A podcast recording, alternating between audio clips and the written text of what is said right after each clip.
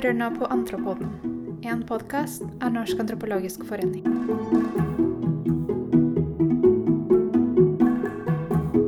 Ja, da er det velkommen til en ny episode av Antropodden. I dag er vi så heldige å ha med oss Thomas Hylland Eriksen, professor i sosialantropologi ved Universitetet i Oslo. Så velkommen til oss. Takk skal du ha. Eh, Det er jo en sann glede å ha deg her i podden vår, for du eh, har alltid mange spennende og relevante og oppdaterte tanker rundt det samfunnet vi lever i. Så jeg må nesten begynne å spørre deg, hva er det du, hva er det du er opptatt nå under akkurat de tiden vi lever i nå, med Mhm. andre runde av korona? Og hva, Mhm. hva Ja, det, er neste spørsmål? Nei, Hva er neste spørsmål, da? Nei, Mm. Det er jo det som er med antropologi, at vi er ikke alltid så opptatt av å finne svarene. fordi svarene er ofte litt vetydige, men vi er veldig opptatt av å finne de riktige spørsmålene. ikke sant? Altså, det er jo det som er nøkkelen til å gjøre interessant forskning og interessante funn. Det er å kunne stille de riktige spørsmålene. Og det tror jeg gjelder på alle livets områder, men iallfall innenfor antropologi. Så nei da, i likhet med veldig mange så har jeg de siste åtte månedene vært kjempeopptatt av, av pandemien. Altså, og, og det er jo mange grunner til det. Og én grunn er at jeg har forsket på akselerasjon. Altså, det er noe av det jeg har vært opptatt av i mange år. Det er hastighet, og hvordan veldig mye går fortere, både i verdensøkonomien og i kommunikasjon osv. Og, og så kommer det til et punkt hvor man fra den ene dagen til den andre går fra liksom 130 km i timen til sneglefart eh, på en del områder. Og hva skjer da? Det som har skjedd, er jo at vi er kommet litt ut av synk. Noen ting går fortere, andre ting går langsommere. Noe av det som går fortere, er jo alt som har å gjøre med digitalisering. Så du kan si at Når det gjelder korona, så har jeg liksom vært gjennom ulike faser da, i, i mine refleksjoner rundt korona. Og jeg kommer nok til å skrive noe større om det. Jeg har skrevet noen småting her og der, men det har mer vært måte for å Ikke bare for å få tiden til å gå, men også for å komme videre i min egen tenkning. For jeg har det ofte sånn at jeg tenker best når jeg skriver. For da får jeg ryddet opp i, i mitt ellers kaotiske hode. Eh, eh, Så jeg har skrevet om flere ting. Jeg har vært opptatt av at vi kanskje kunne bruke dette som et påskudd til å bli mer miljøvennlige og bli mer opptatt av å ta vare på hverandre. eh, Og til å tenke litt annerledes om økonomi og arbeid. Altså relativt radikale tanker, men ikke desto mindre tanker som Norge på mange måter har forpliktet seg til gjennom klimaavtaler uten å gjøre så forferdelig mye med. Så det har vært for meg en viktig drivkraft. Men det har også vært veldig nysgjerrighetsdrevet. ikke sant? Altså, hva, er det, hva er det som skjer med oss når vi plutselig får all denne langsomme tiden kastet etter oss? Hva bruker vi denne langsomme tiden til? Blir det veldig mye surdeigsbaking og strikking og spaserturer i nabolaget osv.? Altså, svaret er nok ja, men svaret er også at det blir mye ensomhet og frustrasjon og, og folk som da eh, slår tiden i hjel med å spise potetgull og se på Netflix. sånn at det, det er ikke ett svar på dette her, men det er interessant å utforske. Men også hvordan livet kommer ut av synk. Altså hvordan noen ting går langsommere, og noen ting går fortere. Alt som har å gjøre med digitalisering. Så du kan si at de siste par månedene så er det jeg egentlig har uh, hatt mest fokus på, det er digitaliseringen. altså Overgangen fra altså migrasjonen av veldig mye menneskelig virksomhet fra det analoge til det digitale, fra det fysiske til det som kan oversettes til nuller og ett-tall. Så Senest i dag tidlig hadde jeg et foredrag uh, hvor jeg snakket litt om dette her. Hvor jeg hadde da en kaffekopp, som jeg ofte har, uh, og, og sa at denne her, den kan ikke digitaliseres. Da tok jeg en slurk av den, sånn som jeg gjør nå. Fordi smaken av kaffen og det at det kommer noe væske inn i magen og osv., det får du ikke til gjennom en skjerm. Men du kan lage en digital representasjon av den. Men hva skjer når du flytter over denne fysiske gjenstanden til et digitalt medium og gjør den om til nuller og ett-tall? Jo, den ser helt maken ut, men den er ikke det samme. Og er det ikke også sånn når vi kommuniserer via Zoom og Teams og, Skype? ikke sant? Det ser ut som det samme, men det er ikke det. For det er bare en representasjon. For du er der ikke tredimensjonalt. Du har ikke kroppsspråk. Du kan ikke spørre folk f.eks. om å sende deg kaffen. Så det som blir borte, det er jo like interessant som det nye som kommer til. Så det er jo litt der jeg er nå, kan du si, refleksjonen rundt korona. Men det er veldig mye annet vi kunne snakket om også. F.eks. at vi er litt trøtte av dette her.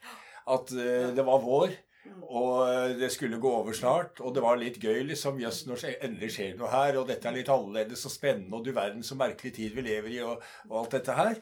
Men så kom sommeren, og så tenkte man at ok, nå blir dette borte. Og så kom høsten, og så kom det tilbake with a vengeance. ikke sant? Og da tenker vi som så at har vi ikke gjort vårt, nå har vi ikke bidratt til dugnaden nok, ikke sant. Ja.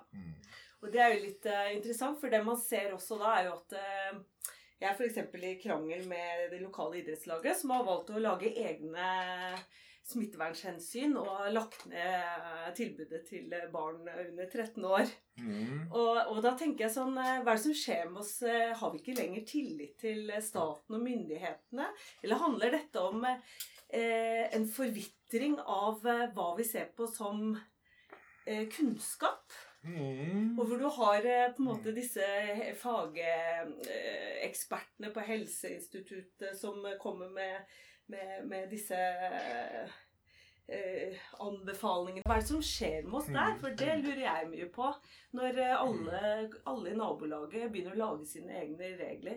Mm. Har vi Ja. mistet tillit til eh, Ja, det ja. eh, de statlige, tillitsbaserte samfunnet vårt? Ja, Det er et spennende spørsmål. Så, altså, jeg, jeg tenker også at For meg er det også en måte, et nøkkelbegrep altså, for å eh, tenke rundt eh, pandemien. da, Mm. Og egentlig globalt og komparativt. For det er jo sånn vi ofte tenker antropologisk. Hvordan, hvordan gjør de det egentlig i Nepal? Hvordan snakker de om det i Italia? Eh, og så kan vi bruke det til å ramme inn vår egen situasjon her. Og det får oss også til å oppdage vår egen egenart. Det er derfor vi, det er derfor vi er et komparativt fag. fordi som jeg alltid sier til studenter som skal jobbe i Norge med, med nordmenn, at det er kjempefint at du jobber i Norge med nordmenn, men prøv i hvert fall innimellom å se Norge fra et ståsted på Torbrannerøyene. For da ser du tydeligere hva slags sted dette er. Så at du mister denne hjemmeblindheten, da, som, eh, som jo er en belastning eller et problem når man gjør feltarbeid i eget samfunn. Så eh, tillit er jo noe vi forbinder med skandinaviske samfunn. Høy tillit, og det er både den generaliserte tilliten til andre mennesker. At du regner med at du kan gå på gata uten at noen eh, slår huet i magen på deg. ikke sant? Du kan gå trygt hjem om kvelden, iallfall i teorien. Og stort sett kan vi det i praksis også. Og det er ikke noe man kan ta som en selvfølge i Guatemala. Um, men eh, også tilliten til eh, institusjoner. Altså Du kan ha tillit til et hvem, og det er andre mennesker. Eller til et hva, og det er institusjoner. Og der scorer vi også veldig høyt. Tilliten til liksom, at Nav tross alt de er byråkratiske og treige, og de gjør noen tabber, men i det store og hele så er de ordentlige folk sant, som behandler mennesker likt. Politiet er dine venner, de er ikke dine fiender. Hvis du blir stoppet av politiet, så er det fordi de de vil være greie. Det er ikke for at du skal betale dem bestikkelser. Ingenting man kan ta for gitt. Og tillit til staten. Og den var enormt høy i vår. Altså Når helseministeren kom ut, og til og med statsministeren, som ingen egentlig visste hva sto for politisk Ingen har noensinne klart å finne ut hva hun står for politisk. Men, eh, men da fikk hun veldig mye kred. Fordi hun sto der som et bekymret familiemedlem og snakket til oss som likeverdige i stedet for å snakke ovenfra og ned. Og, og det var sånn, Hvis dere ikke gjør som jeg sier, så eh, Hun sa ikke det. Hun sa at dette er fryktelig trist, og jeg syns det er ille, men vi er nødt til å stå sammen om dette her, og så videre. Så, så en veldig sånn egalitær eh, måte å kommunisere på, som går rett hjem ikke sant, i Norge. Eh, Men, eh, men så har det vært så mye motstridende beskjeder, altså ut fra det du sier. Ulike kommuner har ulike regler uten at man helt skjønner hvorfor. Eh, vi sammenligner policy i Norge med policy f.eks. i Sveits, og den er omtrent den samme. Men i Sveits har de liksom 50 ganger så høy forekomst av korona, så du lurer på må vi ha det like strengt her. Det har vært usikkerhet knyttet til bruk av munnbind. Det er ganske nylig at man begynte å bruke munnbind i noe særlig grad i Norge, mens man i andre land begynte med det veldig tidlig. eh, Og hvor også nordmenn var med på å kritisere presidenten i USA fordi han ikke brukte munnbind. Men de gjorde det ikke selv heller. Det er litt som når man kritiserer brexit. Ikke sant? Man glemmer i farten at Norge ikke engang meldte seg inn i EU. Eh, Så, så det er mye motstridende beskjeder. Eh, Og noe av, det som, noe av det som skjer når man stoler veldig blindt på helsemyndigheter, det er jo at man, det oppstår en form for lært hjelpeløshet. Og som du også antydet, at man mister kompetanse som man tidligere hadde, og overlater sin skjebne i andres hender. Og av og til kan det være nødvendig, og av og til kan det være en lettelse. Noen andre kan ta ansvar. Jeg følger bare reglene. Men når de reglene både virker litt ulogiske og er litt motstridende, så begynner man å lure på om kanskje jeg burde ta liksom, saken i egne hender og, og finne ut av det selv. Og det er det du snakker om det lokale idrettslaget. Kan godt hende at det er en sunn reaksjon. At du får en type lokalt en type sånn moralsk fellesskap, moral community, i stedet for å bare gjøre som staten sier. Mm, mm. Men samtidig, da, for å gå tilbake til det eksempelet, så argumenterte jeg mot men hvorfor velger dere andre mer inngripende tiltak enn det ekspertene har kommet med? Og da fikk jeg som svar eh, vi har lest statistikkene, og vi ber dem å bli med på dugnaden. Ja. Eh, og det er jo en veldig sånn desentralisering av eh, samfunnsmoralen, da. Ja kan man jo si. Mm, mm. Som eh, er en ny måte å i hvert fall operere for styrer i lokalet Ja, jeg syns jo det. Og jeg syns også det at hvis, hvis det da er sånn at de eh, som på en måte er ledelse i dette idrettslaget, hvis de orienterer seg godt ikke sant, og, og leser seg opp på den kunnskapen som fins rundt omkring, eh, så vil de kunne ta noen beslutninger som er liksom begrunnet i, eh, i kunnskap. Altså om hvordan f.eks. smittespredning finner sted. Vi vet jo nå at eh, smitte spres i mye mindre grad f.eks. på fly enn det man hadde trodd. Eh, men, eh, og ikke noe særlig på kjøpesenter heller. Mm. Eller på trikken. Men det spres i veldig stor grad på fester. Ja. Der, det er sånne steder, altså Enten det er en muslimsk menighet som skal feire ramadan, eller det er noen studenter i Bergen som skal liksom slå ut håret, så da får du sånne superspreader-events, som det heter. Sånn at dette vet vi jo ganske mye om etter hvert, hvilke typer av situasjoner. Eh, Og da får du en mer opplyst eh, offentlighet. Men faren her er jo at eh, det er så mye merkelig informasjon som flyter omkring på nettet, og det kan være vanskelig å sortere. Jeg har jo lenge ment, det er jo noe jeg har liksom har gått inn for, at noe vi må innføre som skolefag snarest, det er googling. Og da første klasse googling, andre klasse kritisk googling. altså hvordan du klarer å lære å skille mellom skitt og kanel, og skjønne hva som er fake news, og hva som er til å stole på. Og det når det gjelder korona, i høy grad. ikke sant, så Fordi det er så stor usikkerhet. Ja. Min eh, åtteåring eh, lærer googling på skolen. Daggeren. Mm. Det er ikke dårlig. Nei, de har eh, iPad og lærer det, og lager eh, oppgaver basert på å google. Ja. Men det er, det er en ferdighet som er viktig. Mm. Fordi nå er det jo ikke lenger snakk om eh, informasjonssamfunnet altså hvor informasjonen er på en måte tilgjengelig hele tiden. Du har jo liksom hele verden i håndflaten. ikke sant? Når du har en sånn eh, telefon som dette her, så har du faktisk hele verden i håndflaten. Så problemet er ikke å lære seg navnet og pugge navn på byer i Belgia, som det var på Kiellands tid, men, eh, men det er å finne ut hvorfor jeg skal skaffe akkurat den kunnskapen og ikke den kunnskapen. Og hvilken kunnskap som er relevant for meg, og som er til å stole på. Men hva skjer med den akademiske kunnskapen i dette møtet? Ja, det er et kjempetema, Elisabeth, altså, eh, som jeg har tenkt mye på opp gjennom årene. Fordi vår type kunnskap som antropologer, og de fleste akademikere vil nok være enig i det, det er en langsom type kunnskap. altså. Den vokser liksom langsomt inni deg, gradvis frem. Og som student på bachelornivå så er du av og til litt lost in space, ikke sant? fordi du klarer ikke å få bitene til å henge sammen. Og det er bare fragmenter, og skjønner ikke hvorfor det er så mange artikler på pensum om kuer, ikke sant? det var som det var min første tanke da jeg begynte på antropologi Ja. òg. Hvorfor vil vi lese om alle disse kuene? Ja. Overbeiting. Jeg skulle Ja, ja. studere mennesker. Ja, en ting var overbeiting, og så er det kuene til Evans Pritcher hvor de slåss om vannhull. Og så er det de hellige kuene i India. Ja. Eh, og så er det til og med i Norge har vi faktisk eh, veldig spennende forskning om kuer. Altså Lars Wisan tok doktorgraden på tittelen 'Hva er en ku?' Det er en genial tittel på en doktoravhandling hvor han beskriver da fremveksten av norsk rødt, rødt fe. eh, Og så beskriver han løsdriftsfjøs på Jæren. ikke sant? Samhandling mellom mennesker og kuer. Er meget godt eh, og veldig originalt. Så der kommer kua inn. Men, eh, men det, er, det, er, helt åpenbart altså at den type kunnskap vi produserer, den er langsom.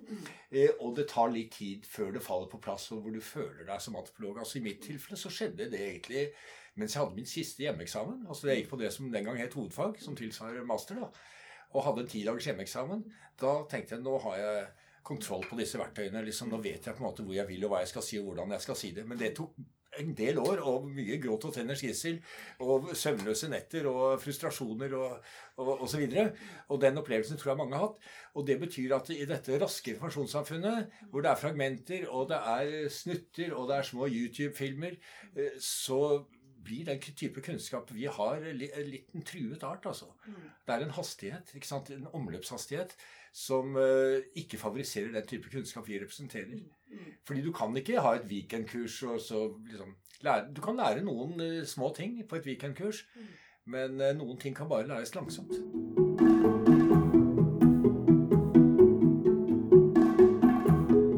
Antropoden er produsert av Norsk antropologisk forening. Følg med på Norsk antropologisk forening på hjemmesiden antropologi.org, det er antropologi.org, og på Facebook. Norsk antropologisk forening Fremtidens antropologi. Det er Norsk antropologisk forening Fremtidens antropologi. Det er vel også derfor man kaller dette en sånn dannelsesreise og ta en akademisk eh, utdanning i disse fagene som vi også har. da. Mm. Og, jeg tenker jo, jeg jobber i konsulentfeltet, så vi jobber jo med å liksom dra ut den kunnskapen dere produserer, og gjøre den relevant uh, Mm, mm. innenfor eh, mye, mye kortere tidsramme. Ja. Så, så sånn sett er jo det en interessant verdikjede av Ja kunnskap òg. Men, men jeg bare lurer Mm. på eh, vi, også føler jo at uh, den, kort, den absolutt korte kunnskapen, eller hva skal man si, Mm. raske Mm. leveransen, vinner jo hele tiden. Mm. Men bare tenker, hva tenker du rundt det og disse nye Altså alt som skjer nå rundt dette her diskusjonen med at Trump får lov å snakke om fake news. Mm. Og få en så anerkjennelse Nå Mm. kommer fake news opprinnelig fra at det var kanskje en reelt fake news med Mm. invadering av eh, Irak, eller hva det var. Ja. Men, men, men en måte sånn som eh, at det har blitt en slags konkurranse mellom eh, hvorvidt akademisk kunnskap eh, er sann, da. Mm. Versus Ja. om man bare kan eh, skrive noe på resept, og så er det også sant. Ja. ja. Og det er, mye, det er så mye som er Og sant. I og i en samfunnsdebatt så er det jo så viktig, Ja. og i hvert fall for oss, at det er en eh, godt fundert eh, kunnskap som leveres. Det er veldig viktig. hva tenker du rundt det? Forstår vi nå på det? Hva Nei, kan vi gjøre? Ja, nei, ja, det, det- tusen takk for at du tar opp dette temaet, Elisabeth. Altså, dette har jeg mye å si om, selvfølgelig. fordi dette er ting jeg går og grunner på hver eneste dag. Og eh, For det første så tror jeg vi må se på, på en måte, kunnskapsproduksjonen som en slags økosystem. altså At det er en økologi der hvor det er noen liksom veldig trege blåhvaler som eh, som bruker liksom 20 år på å bli kjønnsmodne, ikke sant? Og, og som lever til de er 90 år, og svømmer langsomt rundt i havet og er innmari langsomme og treige. Og, og funderer og tenker mye. Og så har du disse her kvikke små eh, fiskene som svømmer rundt dem, ikke sant? og som har veldig kort levetid, men som er veldig fargerike. eh, Og lever på korallrev, ikke sant? og som egner seg i tegnefilmer. Så at vi, vi trenger begge deler. Eh, Men, men uten blåhvalen så hadde ikke disse fiskene på korallrevet liksom hatt et større økosystem å forholde seg til. sånn at når vi formidler eh, kunnskap til en større offentlighet, og jeg har også gjort det hele mitt liv, ikke sant? vært med på radio og TV og skrevet kronikker og spalter osv., så, videre, så har jeg jo hele tiden visst at jeg har vært helt avhengig av disse blåhvalene, altså, eller skilpaddene, som jobber langsomt, målrettet, systematisk, sitter på kontoret og tenker i tre år, og så kommer det bang, ikke sant? så kommer det en bok. Eh, Og da vet du at den boken den er gjennomarbeidet, den er nyansert, den har mange vinklinger, eh, og den har gått gjennom flere stadier før den endelig ble ferdig. Eh, Og hvis det ikke hadde vært for den langsomme kunnskapen, så hadde vi jo ikke hatt noe å formidle som vi kunne stole på. Så det er, det er, det er en, en side ved dette. Altså, det er ikke snakk om noe enten-eller her. Altså, vi må eh, si at vi, vi har alle våre styrker og svakheter, og så må vi plassere oss der i det økosystemet hvor vi føler oss mest hjemme. Eh, Og kanskje noen av oss til og med kan være flere steder i dette økosystemet på ulike tidspunkter. Så det, det, det er ikke noe, jeg, jeg tror ikke det er noen direkte konkurranse der, men det er likevel en konkurranse, som du påpeker, altså i verden der ute mellom den raske og den langsomme kunnskapen. Fordi det er så mange som slåss om oppmerksomheten. eh, Og det er så høy omløpshastighet. Og ting forandrer seg så fort, og du har så dårlig tid. Og da er det så mye mer fristende å se liksom en ti minutters film på YouTube ikke sant, enn å sette seg ned og lese hele Hegels åndens fenomenologi. For du får med deg hovedpunktene gjennom den ti minutter, så kan du bløffe litt i selskapslivet og kanskje på en eksamen. Men du har egentlig ikke forstått noe.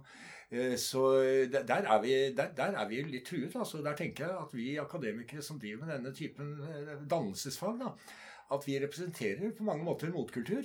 Fordi vi sier at det er ikke så enkelt. Vi sier at hør nå her, ikke sant. Ja da, det er riktig det. Du kan bruke hele dagen din på å finne fæle ting som muslimer har gjort, og skrive om det på resept etterpå. Eh, og det er ikke noe vanskelig å fylle hele dagen med det. Men så sier vi ok, nå kan du den historien. Hva om vi forteller deg denne historien i stedet? Og den og den og den. Og de hva med de 99 andre historiene som du ikke forteller og ikke har hørt. Nå skal du få høre noen av dem. Altså der, der er vår oppgave å bidra til nyanser og være litt kontrære. Og til å si at eh, stopp, stopp litt her, ikke sant. Eh, Det er ikke så enkelt. Det er mer komplisert. Det er mer komplisert enn som så. Det, deg, det gir deg ikke noen overskrifter å si at det er mer komplisert enn som så. Verden er innmari kompleks. og nyansert og består av gråtoner. Eh, Fordi verden der ute vil jo ha enkle meldinger. Men hvis vi skal komme med enkle meldinger, så kan vi i hvert fall komme med noen andre enkle meldinger enn de andre for å gjøre verden litt mer komplisert. Altså. For å vise at en sak har flere sider. Og, der tror jeg at vi har en dannelsesoppgave i en sånn, eh, i en sånn økologi. Men eh, ditt indirekte spørsmål, siden du nevnte USAs avtroppende president det er jo om, eh, om kunnskap er relevant for folk, om de bryr seg. Altså, Du har jo begrepet bullshit. Eh, og bullshit er jo ikke egentlig løgn. Det er bare en tilstand hvor spørsmålet om løgn og sannhet er irrelevant. Mm. Det har ikke noe å si. Det er en historie om Trump vet du, lenge før han ble president. Han tok med en journalist på stedet sitt i Florida. Og så var det noen sånne fliser på veggen. Og så sa han at disse her blir faktisk laget av Walt Disney selv. Sånn. Og så sa journalisten men stopp litt her, altså det er ikke mulig for Walt Disney døde jo i 1966. og så sa han ja, what the hell, liksom. altså, Samme det. Hvem bryr seg? Hvem bryr seg hvis det er en god historie? Mm. Uh, og, og der er jo hans velgere også. Uh, fordi de er, opptatt, de er ikke opptatt av liksom, uh, sjåføren og hvilke blinklys han bruker, og hvordan man gebærder seg. De ser på hjulene, de. Altså, de er opptatt av det fysiske, det materielle. Så hvis han klarer å få orden på økonomien, sånn at du får deg en jobb, så spiller det ingen rolle om han lyver eh, 100 ganger om dagen. Mm. Og det, er- det er jo for noen av oss litt betenkelig, da. Mm. At man syns det er greit at en statsleder lyver hele tiden, så det renner av. Mm. Eh, og, når, så lenge det går bra med økonomien. For det er ikke sånn vi vil ha det, er det? Nei, og så tenker jeg jo at det er eh, eh, Er det ikke litt med dette at kunnskap anerkjenner kunnskap? Og hvis man da ikke har, har den lange reisen på å lære det, så er det veldig lett å bare ignorere det som relevant, da. Ja, og en ting er nå at det er ikke meningen at alle skal sitte nesa i en bok eh, Mm. liksom ti timer om dagen. Eh, Men eh, man kan i hvert fall ha en viss respekt for kunnskapen. Mm. Eh, Altså, Autoritet kan jo bety flere ting. Autoritet det kan jo være at man er autoritær. Av At man bestemmer over andre. Men å være en autoritet på et felt det betyr bare at man kan mer enn andre. Mm. Og de grensene blir jo visket ut på sosiale medier. Og de blir visket ut i offentligheten. Og hvor vi ser i stadig større grad, syns jeg, at folk som er flinke til å komme opp med snappy one-linere, ikke sant? Eh, og som kan provosere, som det heter. Eh, altså, folk er jo ikke lenger uenige, de blir provosert. Eh, de, de får oppmerksomhet. Mm. Og, og, og, mens de som da sitter og kanskje er litt sånn elger sant, fra Hedmarken og, og bruker fem minutter på å komme til poenget, eh, de er ingen som gidder å høre på, selv om det er de som kan det de snakker om. Mm. Så forskjellen mellom de som vet hva de snakker om, og de som ikke gjør det, den er ikke like tydelig Mm. som den var. Og dette kan man beskrive som en demokratisering av offentligheten. Som allerede Alexis de Tocqueville advarte mot i sin bok fra Amerika på 1830-40-tallet. Hvor han reiste i USA og, om det moderne Amerikas demokrati. Han syntes det var mye bra med det, men han syntes det var litt skummelt at pøbelen kom til makten. Altså, altså At uvitende, ignorante mennesker uten dannelse Mm. bestemte like mye som de andre. Han mente at det var en betenkelig side ved demokratiet. Mm. Mm. Eh, og eh, vel eh, Ja, man eh, kan jo man være enig i det. Altså man, man må ikke se bort fra at Ja. Nei, altså det at, at respekten for kunnskap er, er, er, jo svekket. Altså. Og Mm. det har noe å gjøre med at veldig mye overfladisk kunnskap er veldig lett tilgjengelig gjennom Internett. Mm. Så jeg hører jo det av leger sant, at pasientene kommer jo og har stilt sin egen diagnose på forhånd fordi de har googlet symptomene. Mm. Og, og de er skråsikre, og de kan like mye som legen, men de har jo da glemt at han har liksom lang utdannelse og, og har en lang praksis og vet i grunnen veldig mye mer enn dem. Men det ser bare ikke sånn ut. Hvor vil dette føre oss, mon tro? Hvis denne utviklingen Det er jo selvfølgelig et helt Mm. sånn eh, eh, Det er jo bare å fundere rundt framtiden. Men på en måte hvis denne trenden fortsetter i det tempoet som det gjør nå, da Mm. hva, hva slags type samfunn eller fellesskap eh, får vi da? Eller er vi kanskje allerede i? Er vi allerede der? Ja, vi trenger da Det vil si hvis vi skal ha et fellesskap, Mm. uh, for å vende tilbake til idrettslaget ditt, altså lokalsamfunnet, Ja. ikke sant? så må vi ha noen felles historier da, om hvem vi er. Mm. eh, som vi uh, ikke nødvendigvis tror på, men som vi kan, og som vi kan forholde oss til. Altså noen, symboler. Det kan godt hende at det ikke er så veldig mye mer som skal til enn det. Noen ritualer. Um, så det er ikke sikkert at vi trenger så mye felles kunnskap som sådan. Mm. Men jeg tror likevel det er viktig at vi kan snakke sammen. Mm. Så jeg tror det, det Norge er, sant? det er først og fremst et språkfellesskap. Eh, og verk, verk, egentlig verken mer eller mindre, fordi det gjør oss i stand til å kommunisere. Og hvis vi mister den evnen, Mm. sånn som vi nå ser f.eks. i USA, hvor du har på en måte to amerikaer som ikke snakker sammen i det hele tatt. De brøler til hverandre. Så jeg leser New York Times daglig, Mm. og der får du liksom et, et bilde av USA som er nokså annerledes fra Mm. det du får på Fox News. Eh, og det er ikke de mest ekstreme. De er, begge er relativt mainstream, men likevel så ser du der at eh, du, får, du har ikke dette uenig, uenighetsfellesskapet hvor man er enig om en del grunnleggende ting før man blir uenig. Mm. Så der er, der er det en fare. Mm. Og jeg tror at vi som, er, liksom, som driver med, med kunnskap og kunnskapsformidling at Selvfølgelig har vi en oppgave der, men at er, vi er litt i motbakke. Skal, ikke, skal ikke se bort fra det. Er det også Altså gjør, Du gjør jo veldig mye på dette feltet, men jeg tenker det er jo ikke det er ikke den store debatten med antropologer ute i det store samfunnsdebatten. Nei. Eller samfunnsvitere for øvrig.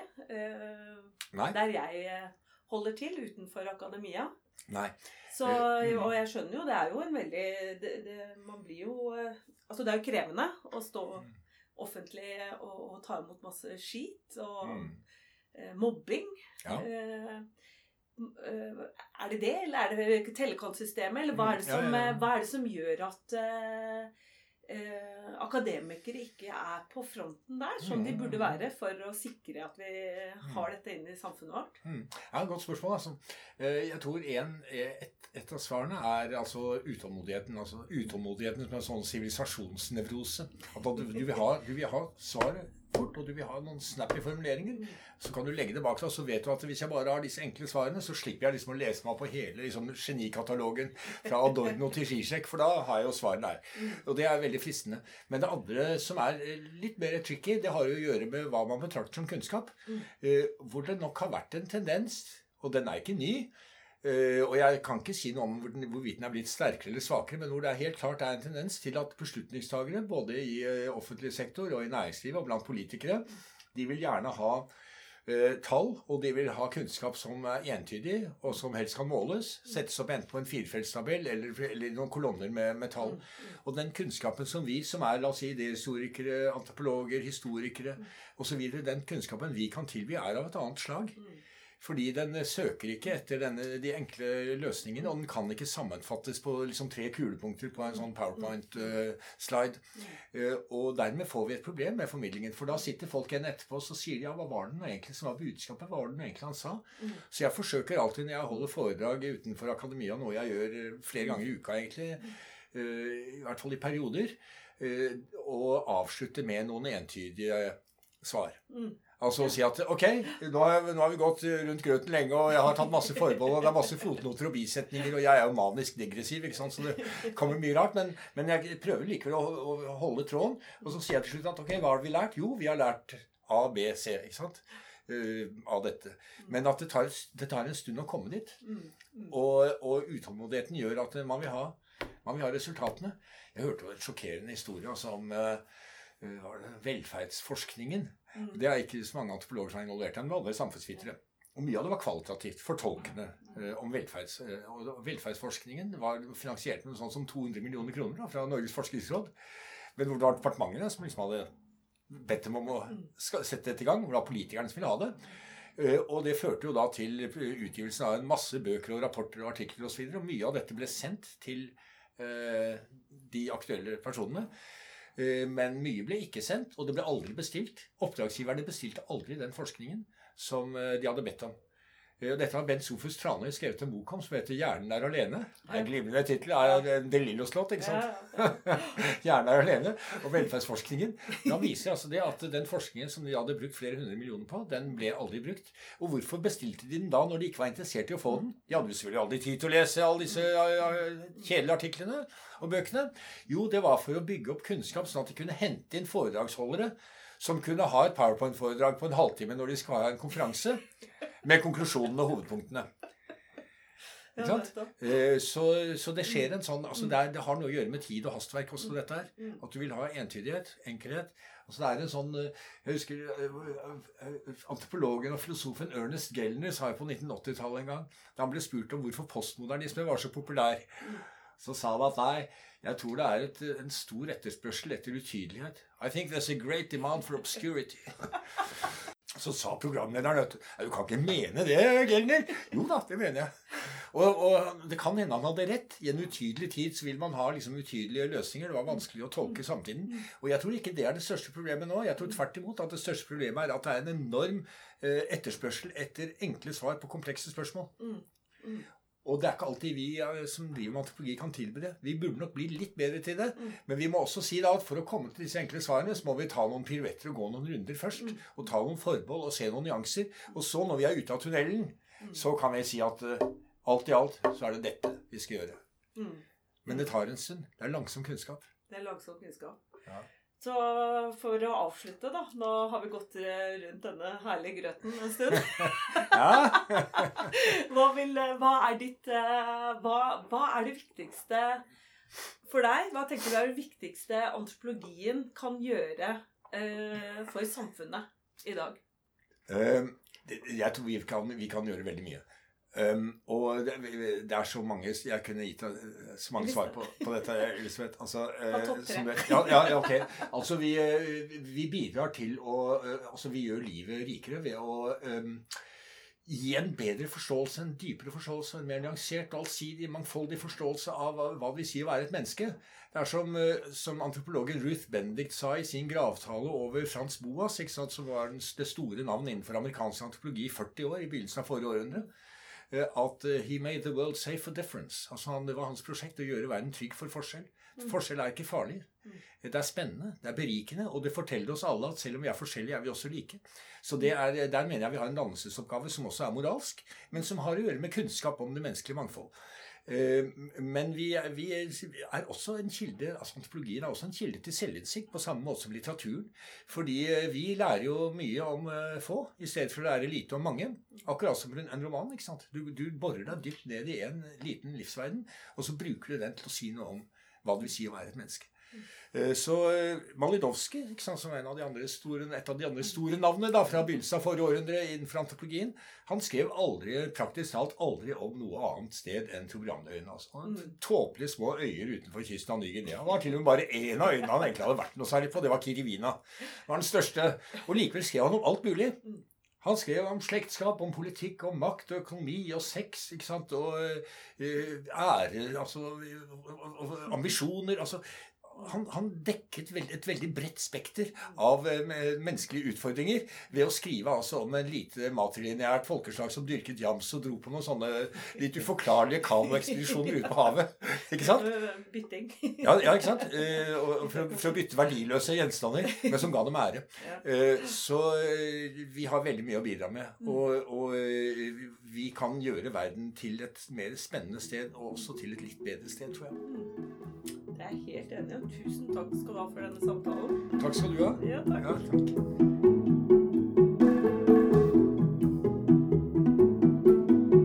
Antropoden er produsert og regissert av Elisabeth Fosli Olsen og redigert av Magali Cortade. Sangen vi tar i bruk, er 'Wholesome' av Kevin MacLeod, som vi har lastet ned fra Incompetech.